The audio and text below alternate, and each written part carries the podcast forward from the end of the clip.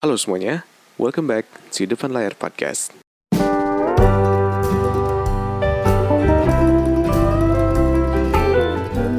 Halo semuanya, balik lagi di Depan Layar Podcast. Tebak kabar kalian semua hari ini. Gue doain semoga kalian semua baik-baik aja. Gue doain semoga kalian semua sehat. Dan gue juga doain buat kalian semua Supaya kerjaan kalian semua beres. Dan thank you buat kalian semua dengerin podcast gue hari ini Dan yang udah dengerin podcast gue sebelumnya. Kalau misalkan lo mau dengerin podcast gue yang lainnya Lo bisa dengerin lewat Spotify, Anchor, Youtube, dan Apple Podcast dan gue juga thank you buat kalian semua yang udah nge-komen, udah nge-email, atau udah nge-kontak gue lewat Instagram. Dan kalau misalkan lo mau nge-support podcast gue, lo bisa donasi lewat Saweria yang udah gue kasih linknya di YouTube atau di QR Code yang ada di video di YouTube. Nah, gue balik lagi ke podcast untuk hari ini karena gue ternyata udah lama lagi nggak bikin podcast. Dan di hari ini si topiknya tuh lumayan sesuatu yang lagi gue alamin beberapa hari ini kan biasanya kan gue sering bikin podcast tuh kan si temanya tuh kan kalau misalkan gue nggak upgrade dari beberapa pod, apa ya beberapa episode podcast sebelumnya gitu ya kayak misalkan uh, dua tahun lalu setahun lalu gitu ya. Tapi sekarang ini benar-benar tema atau topik yang emang gue lagi rasain belakangan ini yang gue rasain belakangan ini dan tapi ada beberapa cerita yang gue ambil dari beberapa tahun lalu beberapa tahun lalu juga gitu supaya jadi referensi buat kalian semua gitu. Nah di podcast hari ini gue bakal ngomongin tentang hidup memang harus tidak adil. Mungkin kalau misalkan lu tahu kan di apa ya di kartun atau di film atau di mana gitu kan kita sering dengar kalau kalau yang namanya life isn't fair atau hidup itu tidak adil gitu kan. Kayak lu pasti ngelihat ada orang-orang yang uh, apa ya punya apa ya, semacam kayak ketimpangan di dalam masyarakat gitu. Kayak misalkan ada orang yang oh dia tuh bisa punya segalanya tapi sementara di tempat lain tuh ada orang yang tidak memiliki apa pun gitu. Jadi kita kan sering banget kedengerin yang kalimat hidup tidak adil ya di mana pun itu gitu kan. Dan gue tuh ingat banget pertama kali uh, ngedenger si kalimat itu tuh. Kalimat si hidup tidak adil itu zaman zaman gue kecil waktu gue nonton apa ya kalau nggak salah Tom and Jerry atau nggak uh, SpongeBob juga ada sih kalau nggak salah. Cuman kan zaman dulu sih ya kayak maksudnya gini loh lu lu pernah ngasih kayak nonton SpongeBob gitu ya? Ketika lu pertama kali nonton SpongeBob waktu lu masih kecil umur 5 tahun 7 tahun 10 tahun gitu ya lu nggak ngerti apa yang dia apa yang mereka omongin gitu. Cuman sementara ketika lu nonton lagi di umur 20-an lu mulai ngerti kalau misalkan ada beberapa hal dewasa. Beberapa hal dewasa tuh mak maksudnya sesuatu yang lu bakal rasain ketika lu lama-lama masuk ke dunia dewasa gitu. Yang sebenarnya tuh ada di kartun itu gitu. Nah uh, kalau misalkan lu inget juga di apa ya, di Tom and Jerry kalau nggak salah. Kalau di, di Tom and Jerry tuh ada banyak cerita yang sebenarnya nggak di nggak nggak ditunjukin secara langsung tapi sebenarnya itu tuh ngomongin tentang kehidupan gitu yang sebenarnya lu bisa ambil gitu.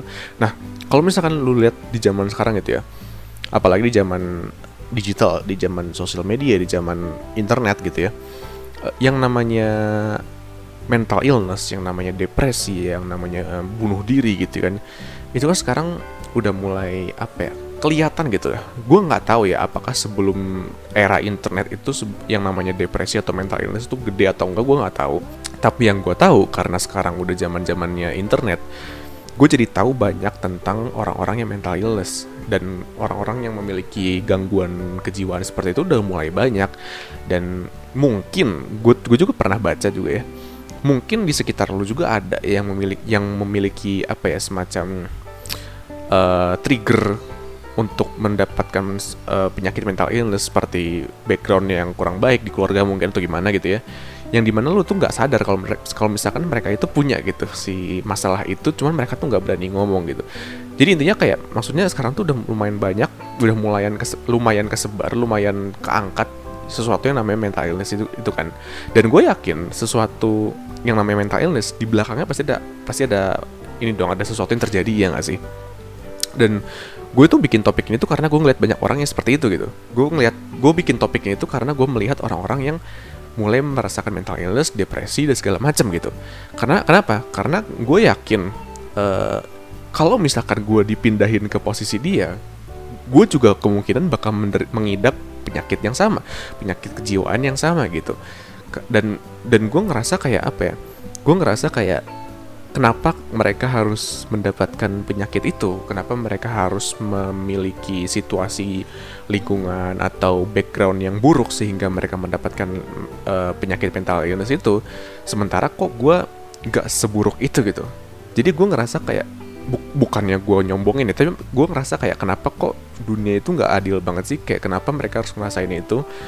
Dan uh, ada satu satu apa ya, satu posisi juga di mana gue gua memiliki mindset seperti itu. Kenapa kayak gue tuh nanya kayak kenapa sih gue harus punya seperti ini sementara orang-orang lain tuh enggak? Gitu. Contohnya kayak gitu. Nah di podcast sama di podcast ini juga uh, mungkin kayaknya gue nggak ada nggak ada solusi sama sekali sih. Cuman kayak gue pengen lebih ke nyemangatin aja dan gue pengen ngasih tahu kalian kalau misalkan yang namanya ya life life memang isn't fair yang namanya hidup memang tidak adil gitu dan dan menurut gue itu harus tidak adil. Nah kenapa kenapa menurut gue harus ya gue bakal jelasin di dalam podcast ini. Jadi pertama gini, gue pengen kalian dulu yang jujur sama gue gitu ya. Pernah gak sih lu nggak lu pernah gak sih lu ngerasa kalau misalkan yang namanya hidup itu nggak adil gitu kayak kenapa ada satu dua hal atau beberapa hal yang harus terjadi sama lu gitu contohnya misalkan kayak misalkan lo itu tinggal di dalam sebuah rumah yang mewah gitu ya. Misalkan lu orang tua lo keluarganya keluarga lo mampu gitu ya. Keluarga lo adalah salah satu keluarga terkaya di Indonesia misalkan. Tapi mungkin lo lu dalam keluarga lo itu tidak terlalu harmonis. Misalkan kayak kenapa sih lu ngera kenapa, kenapa sih dunia itu memberikan lu keluarga yang kaya tapi tidak harmonis? Contoh misalkan keluarga keluarga lu ada yang cerai misalkan. Atau uh, ada yang meninggal muda misalkan. Ya gue nggak tahu contoh misalkan itu ya. Atau nggak mungkin lu adalah orang sederhana. Keluarga lu harmonis misalkan. Tapi lu sempat kepikiran kayak kenapa sih gue nggak bisa men mendapatkan sebuah apa ya istilahnya? Kayak lu tau gak sih di di di bahasa Inggris ya ada sesuatu yang di di, di, di apa ya disebut gitu ya kayak uh, we can't have nice things gitu. Kayak gue kita tuh nggak bisa mendapatkan sesuatu yang uh, bagus gitu. Contohnya bagus tuh kayak gimana? Kayak misalkan uh, lu tuh nggak bisa punya barang-barang mewah misalkan. Lu nggak bisa punya barang-barang yang apa ya istilahnya menaikkan derajat lo atau menaikkan gengsi lo misalkan. Nah misalkan lo punya mindset kayak eh kenapa sih gue tuh orangnya sederhana banget? Kenapa sih gue ekonominya gini-gini banget gak naik-naik sama sekali? Misalkan misalkan lo punya mindset seperti itu gitu. Nah pernah gak sih lo berpikir seperti itu? Pernah nggak lo berpikir kalau hidup tuh nggak adil? Atau mungkin lo pernah mikir gini ya? Lo pernah mikir kayak kenapa sih orang-orang di luar sana harus ngerasain penderitaan yang nggak habis-habis. Contohnya misalkan ada human trafficking, misalkan pe, apa sih uh, bahasa Indonesia apa sih uh, penjual belian manusia misalkan. Karena ada tuh ya kayak misalkan kayak lu nonton film deh, nonton film kayak ada orang yang diculik perempuan misalkan diculik, habis itu dijual ke apa ya mafia mafia gitu mungkin itu menurut lu cuma film tapi itu terjadi gitu di dunia nyata yang di mana lu tuh nggak bisa lihat gitu cuman lu bisa merasakannya lah at least gitu. Atau mungkin orang-orang yang di Afghanistan kemarin zaman-zaman uh, Afghanistan Taliban tuh udah mulai menguasai Afghanistan dan banyak banyak apa ya banyak keadilan yang mulai hilang misalkan gitu. Atau mungkin lu bayangin lu jadi orang yang sedang bekerja kantoran di World Trade Center tahun 2001 misalkan dan tiba-tiba ada pesawat yang nabrak ke uh, apa gedung lu gitu misalkan. Dan dan lu berpikir kenapa harus lu? gitu. Kenapa harus gue yang merasakan itu? Lu pernah gak sih berpikir kayak gitu? Atau enggak kenapa harus mereka yang merasakan itu? gitu. Pernah gak sih lu berpikir kayak gitu gitu? Nah gue mau cerita dulu tentang pengalaman gue zaman zaman ah gue pasti pengalaman gue yang paling pahit itu zaman 2018 sih yang waktu pertama kali gue keluar kuliah gitu ya. Dan itu gue pertama kali gue nggak gue gue ngerasa kalau yang namanya hidup itu bener-bener gak adil sama sekali dan gue bener-bener marah tapi gue nggak tahu mau marah sama siapa gitu. Mungkin kayaknya gue bakal kalau misalkan gue balik lagi ke zaman itu ya gue mungkin ngerasa kayak gue marah ke alam semesta atau atau ke sesuatu yang tidak terlihat gitu gue gue juga nggak tahu gitu ya. Pokoknya di situ gue marah gue marah kenapa? Karena ternyata uh, orang tua gue itu menguliahkan gue itu memakai utang gitu. Dan di mana gue tuh nggak suka banget melihat seperti itu gitu. Dan ketika gue nanya kenapa harus pakai utang? Uh, orang tua gue bilang kalau misalkan dia eh, nggak uh, punya dana gitu nggak punya uang sebenarnya untuk nguliahin gue gitu. Dan situ gue mikir gitu kalau misalkan gue itu orangnya nggak suka kerja gitu gue lebih suka bisnis gue lebih suka jualan gue lebih suka uh, freelance gue lebih suka mengerjakan sesuatu tanpa ada bos gitu. Ngerti gak sih? Kayak tanpa ada seseorang yang mengontrol gue tiap hari gue pengen bebas aja gitu. Dan gue ngerasa kayak ah kayaknya gue nggak bisa sih. Kayak kayak misalkan gue lanjutin kuliah juga gue yang ada gue malah ngabisin duit orang tua gue gitu.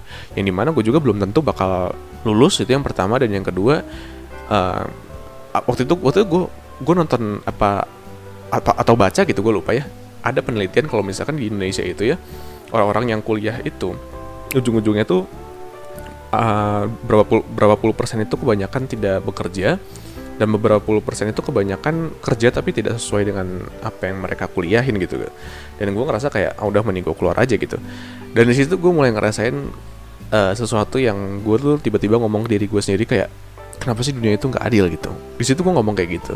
Dan uh, kenapa gue bisa ngomong kayak gitu? Karena gue ngeliat teman-teman gue teman-teman gue itu bisa kuliah bisa ya apa ya kayak mereka tuh nggak harus mikirin uang gitu. Mereka tuh cuma mikirin have fun-nya dulu have fun sama belajar gitu. Dan gue ngeliatin mereka kayak mereka bisa kuliah mereka bisa pacaran mereka bisa main sama teman-temannya bisa ikut himpunan mereka bisa ikut kegiatan-kegiatan sosial. Dan gue ngerasa kayak oh itu gila sih have fun banget. Itu bener-bener fun yang bener-bener fun banget gitu yang bener-bener uh, lu bisa punya memori yang bagus banget di sana gitu. Dan gue ngerasa kayak kenapa gue nggak bisa sih dapat kayak gitu? Kenapa di waktu itu gue gue ngerasa kayak kenapa sih orang tua gue harus gak punya uang? Kenapa gue harus lahir di keluarga yang nggak mampu buat meng, apa ya kuliah gitu? Yang di mana gue tuh harus utang dulu baru gue bisa kuliah gitu. Padahal kan ya gimana ya gue ngerasa kayak uh, eh, gue pengen gitu bisa jadi kayak teman-teman gue gitu. Cuman di situ tuh gue cerita apa ya gue nggak nggak gue nggak punya teman cerita di situ. Gue nggak tahu harus cerita ke siapa dan menurut gue nggak penting-penting banget sih kayak misalkan gue ceritain ke orang yang di mana mau gue ceritain juga kayaknya nggak ada solusi sama sekali gitu. Dan gue mikir kayak ya iris what gitu. Itu yang terjadi sama hidup gue dan di situ tuh gue gue habisin waktu uh, ngeliatin apa yang ngeliatin kayak atap bukan maksudnya kayak lu tiduran di uh, tiduran di apa tuh? Tiduran di kasur terus lu lihat langit-langit gitu. Kayak lu ngeliatin aja lu mikir kayak kenapa kok gue harus ngerasain ini? Kenapa gue harus begini gini gini, gitu. Dan di situ gue mikir kayak ya mungkin emang life gitu. Life happens gitu kayak ya ini hidup gitu. Ini yang hidup yang terjadi sama kita semua gitu. Dan akhirnya gue ngerasa kayak uh, mungkin hal seperti ini gak bisa gue rubah sama sekali. Ngerti gak sih? Kayak gak ada sesuatu hal yang bisa gue rubah dari kejadian ini gini. Mungkin ya memang ini yang harus terjadi sama gue terus mau gimana lagi? Apa yang bisa gue kerjakan gitu kan. Dan akhirnya gue mikir kayak uh, ya udahlah gue lanjutin aja gue kerjain aja apa yang gue suka gitu. Akhirnya gue lanjut kerja lanjut kerja gue cari duit dari mana-mana lah gue jualan gue kerja. Wah gitu, gitu gila sih kayak segala macam hal gue lakukan demi nyari duit gitu kan. Akhirnya gue lanjut lanjut lanjut lanjut dan mulailah gue mulai uh, ini singkat cerita aja ya. Singkat cerita 2021 tuh gue mulai ngerasain hal itu lagi. Di mana gue punya banyak ekspektasi tentang akhir tahun ini gue punya ekspektasi tentang tahun depan beberapa tahun lagi. Dan ternyata banyak hal yang gue ekspektasikan itu tidak terjadi gitu. Kayak banyak hal yang istilahnya apa ya kayak gue udah ekspektasiin ternyata banyak yang tidak terjadi. Tidak kayak hidup tuh nggak semudah itu ngerti gak sih? Jadi sekarang itu gue mulai belajar buat nurunin lah nurunin nurunin ekspektasi gue supaya gue tuh nggak terlalu punya harapan yang berlebihan. Karena kalau misalkan gue terlalu berharap juga kan nggak baik gitu ya. Kalau sekalinya lu gagal juga lu bakal apa ya lu bakal kecewa banget gitu. Kalau misalkan tidak ter, hal tersebut yang lu harapkan itu tidak tidak terjadi gitu kan. Nah oke okay, dan uh, abis itu itu dari cerita gue gitu. Cerita tentang uh, eh, gue merasa hidup ini tidak adil gitu. Tapi gue punya cerita lagi ini dari ini bukan cerita gue sih. Jadi ini cerita dari orang luar gitu ya. Dia orang Amrik aslinya. Dan dia tuh namanya kalau nggak salah Scott Harrison. Gue sempat nonton si uh, interviewnya interview tentang si orang ini. Jadi Scott Harrison itu adalah seorang relawan yang dia tuh uh, apa ya membantu orang-orang Afrika gitu di Zimbabwe kalau nggak salah atau di di mana ya kalau nggak salah ya? ah gue lupa. Gue lupa, lupa. Serius gue lupa di daerah Afrika sanalah pokoknya. Dan dia itu awalnya itu adalah orang yang suka mabuk-mabukan. Dia orang yang suka mabok yang orang yang suka uh, party yang suka keluar malam pulang malam pulang pagi malah bukan pulang malam gitu kan. Dan dia tuh orang-orang yang ya tipikal anak muda Amerika lah yang suka ngabisin duit buat ke clubbing gitu kan. Dan akhirnya uh, dia tuh sempet uh, mikir gitu kayak kenapa sih gue ngelakuin hal ini terus-terusan gitu? Akhirnya dia punya pikiran untuk meninggalkan dunia malam gitu ya. Dan akhirnya dia mulai pergi buat membantu gitu jadi jadi relawan lah istilahnya. Kayak dia tuh jadi relawan untuk membantu di Afrika gitu. Nah singkat cerita dia setelah lima tahun atau berapa tahun membantu di Afrika dia punya cerita tentang seorang anak perempuan yang dia tuh saking miskinnya tinggal di Afrika dan tidak punya sumber air yang cukup yang yang bersih gitu ya. Akhirnya dia meninggal di sana di umur 9 tahun kalau nggak salah. Jadi ada seorang anak perempuan gitu ya dia tinggal di Afrika dan dia itu pekerjaannya setiap hari adalah ngambilin air bersih dari sumber air terdekat. Jadi sumber air terdekat dia di rumah itu jaraknya ternyata jauh, ngerti gak sih? Jadi paling dekat itu jaraknya itu jauh banget gitu dari si rumahnya itu. Dan dia tuh harus bawa ember berapa biji itu dua atau tiga. Bawa di bawah embernya dimasukin eh diang, diangkat ke apa tuh ke semacam gerobaknya. Di si gerobaknya habis itu sama dia didorong atau ditarik ke arah si sumber airnya itu. Dan kalau misalkan lo tahu dia tuh cerita kalau misalkan di Afrika itu jalan menuju ke sumber air itu sangat amat berbahaya. Kenapa? Yang pertama, ada banyak hewan buas. Contoh misalkan kayak singa, macan, hyena atau apalah banyak gitu kan. Terus yang kedua, setiap malam itu jalanannya itu sangat amat gelap, apalagi si cewek ini kan cewek gitu ya, anak perempuan gitu ya. Dan banyak cerita-cerita tentang uh, apa ya kayak semacam pemerkosaan gitu kok banyak banget terjadi di sana gitu dan itu kan sangat bahaya banget gitu kan. Dan apalagi ditambah jalannya itu jalan yang kurang bagus lah istilahnya kurang ya kurang layak lah untuk manusia jalan gitu. De, karena karena di apa ya di Afrika itu katanya sumber air itu benar-benar jelek banget. Sampai kalau misalkan lo mau nyari air bersih itu harus jauh gitu. Nah kenapa kenapa uh, menurut apa ya menurut si Scott Harrison ini mengambil air itu sangat berbahaya kan? Apalagi untuk hewan hewan buas gitu. Apalagi hewan buas itu benar-benar bahaya kata dia. Kenapa? Karena ya itu tuh satu-satunya sumber air gitu sumber air yang bersih gitu. Kalau misalkan manusia aja mencari air bersih ke situ ya gimana hewan yang lain gitu kan? Hewan lain juga pasti mencari sumber air bersih di situ gitu. Di tempat yang sama seperti si anak kecil itu cari gitu. Dan akhirnya uh, sempat satu kejadian di mana si anak kecil itu tuh dia tuh ngambil air pas udah dibawa masukin ke dalam gerobaknya dia tuh pakai gerobaknya itu jalan balik ke uh, rumahnya. Dia tuh pergi sama temennya dan akhirnya si temennya harus pisah di tengah jalan karena rumahnya beda jalur gitu kan. Pas udah jalan beda jalur si cewek yang tadi yang bawa tiga tiga berapa ember itu ternyata dia tuh kepleset. Kepleset di uh, di jalan di tengah jalan gitu semua airnya itu bener-bener habis. Bener-bener kayak jatuh lah istilahnya. Nah dia itu ingat kalau misalkan dia bakal balik dia balik ke rumah dia pasti dimarahin sama orang tuanya dan dia bakal malu gitu. Karena dia ya istilahnya mah kayak kegagalan gitulah. Dia men menjalankan atau mendapatkan kegagalan untuk keluarganya gitu. Dan akhirnya dia nangis dia tuh kesel gitu sama hidup dia tuh kayak kenapa sih tiap hari dia tuh harus menjalani hidup yang seperti itu gitu kan dan akhirnya lu tau gak apa yang terjadi?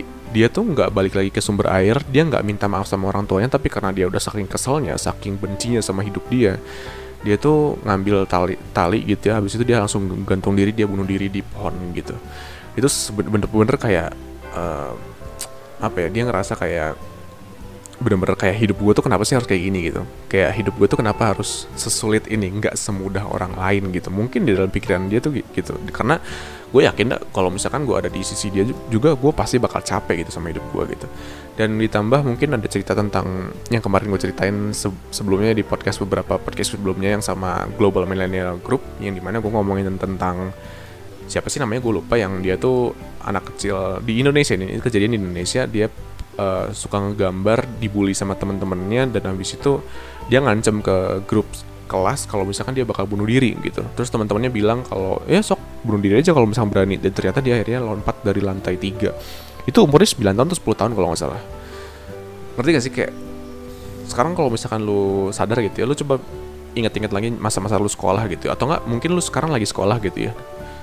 Ada gak sih satu teman lu yang lu bully gitu? Atau nggak dibully sama teman lain gitu? Ngerti gak sih? Kayak lu bayangin jadi mereka sekarang gitu.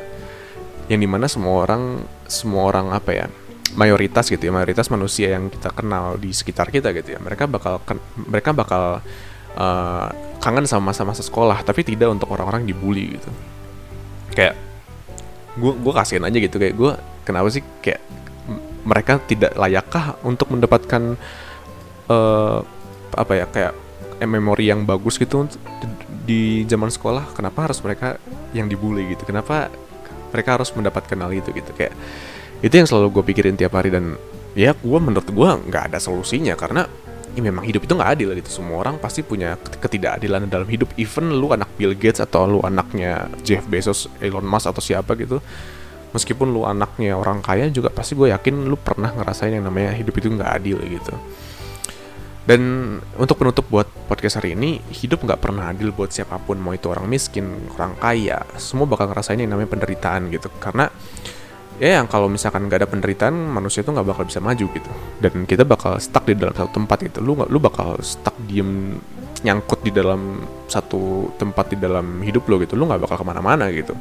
Dan sebenarnya nggak ada jalan pasti nggak ada jawab sorry nggak ada jawaban pasti kenapa hidup itu nggak adil gitu. Kayak sekarang tuh kayak menurut gue ya hidup itu tuh kayak lu tuh lagi di uh, buku lo gitu lu buku kehidupan lo lu tuh lagi menulis buku lu tapi lu nggak tahu endingnya apa gitu. Somehow kayak di buku lu itu selalu ada cerita-cerita yang baru gitu yang sebenarnya lu nggak harapin gitu tapi lu lu lu dipaksa untuk menulis buku itu gitu ngerti gak sih? Atau mungkin logika apa analoginya gitu ya. Analoginya lu tuh lagi di dalam hutan yang besar gitu hutan yang benar-benar lu nggak tahu tujuan lu mau ke mana tapi lu yakin tujuan lu itu bakal membawa lu ke sesuatu yang lebih baik gitu. Tapi ya kita semua lagi nggak tahu kita lagi di mana gitu. Lu intinya cuman ada di dalam hutan aja dan semua orang itu lagi mencoba mencari jalan keluar dari hutan itu gitu. Tapi lu nggak tahu lu harus lewat mana lu harus dari mana dan segala macam hal bisa terjadi dalam hutan itu gitu. Dan yang ketiga mungkin menurut gue hidup itu bukan tentang lu dan orang lain gitu tapi tentang diri lu sendiri gitu. Jadi uh, apa ya kayak hidup itu perlombaan antara diri lu sekarang yang sama diri lu yang kemarin. Jadi jangan pernah membanding-bandingkan hidup lu sama hidup orang lain. Mungkin mungkin lu ngerasa kayak lu orang paling tidak apa ya tidak beruntung di dalam hidup ini. Lu orang yang paling buruk dalam hidup ini bu belum tentu gitu. Mungkin ada yang lebih buruk daripada orang daripada lu gitu. Orang lain mungkin lebih buruk daripada lu tapi yang intinya ya jangan pernah ngebandingin lu sama orang lain. Karena ya nggak bakal ada yang seimbang gitu. Bandinginlah sama diri lu yang sekarang lu yang sekarang bandingin sama diri lu yang kemarin gitu. Dan yang terakhir mungkin fokus sama yang sekarang aja lah. Jangan terlalu fokus sama yang yang yang yang berlalu ya udah lihat biarkan berlalu lu belajar dari sana uh, jangan dipikirin banget gitu. Dan yang nanti cukup cukup direncanain gitu. Tapi lu harus fokus sama apa yang lu kerjain sekarang.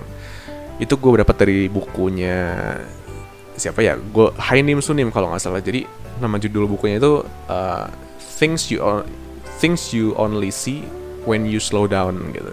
Uh, hal-hal yang lu lihat yang lu cuma bisa lihat ketika lu sedang apa ya berjalan pelan-pelan lah istilahnya dalam hidup ini gitu.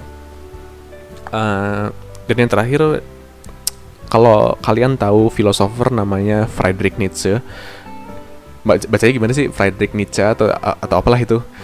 Si filosofer itu bilang kalau misalkan dia tuh mengkritik orang-orang yang selalu mencoba untuk kabur dari yang namanya kegagalan atau penderitaan gitu. Karena menurut dia orang-orang yang yang apa ya yang uh, mengharapkan kalau dunia ini tuh tidak ada penderitaan itu adalah orang-orang yang justru tidak memiliki hidup sama sekali gitu. Orang-orang yang cuma pengen enaknya doang itu biasanya orang yang benar-benar clueless atau yang nggak punya nggak punya clue nggak punya apa ya nggak punya bayangan hidup dia tuh sebenarnya apa gitu.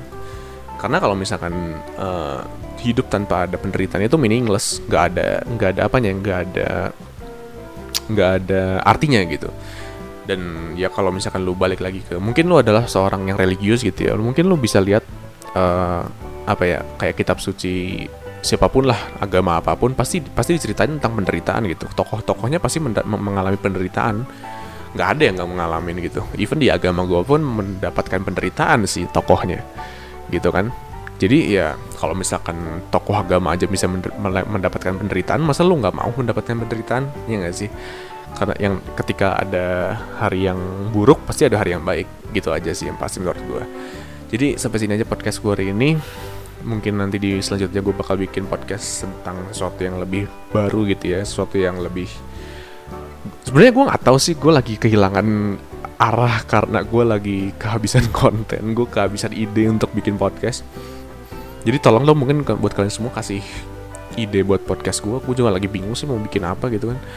Kayak semua tema udah gue bikin udah gue bikin apa ya udah gue bikin terlalu banyak dari awal gitu kan. Sampai sekarang gue bingung mau bikin konten apa ide apa lagi gitu. Jadi mungkin lo bisa ngasih uh, apa namanya mungkin lo bisa ngasih ide buat gue gitu ya Hah, jadi gitu aja podcast buat hari ini. Thank you buat kalian semua. Sampai jumpa lagi di podcast depan selanjutnya. Gue Joshua dan goodbye.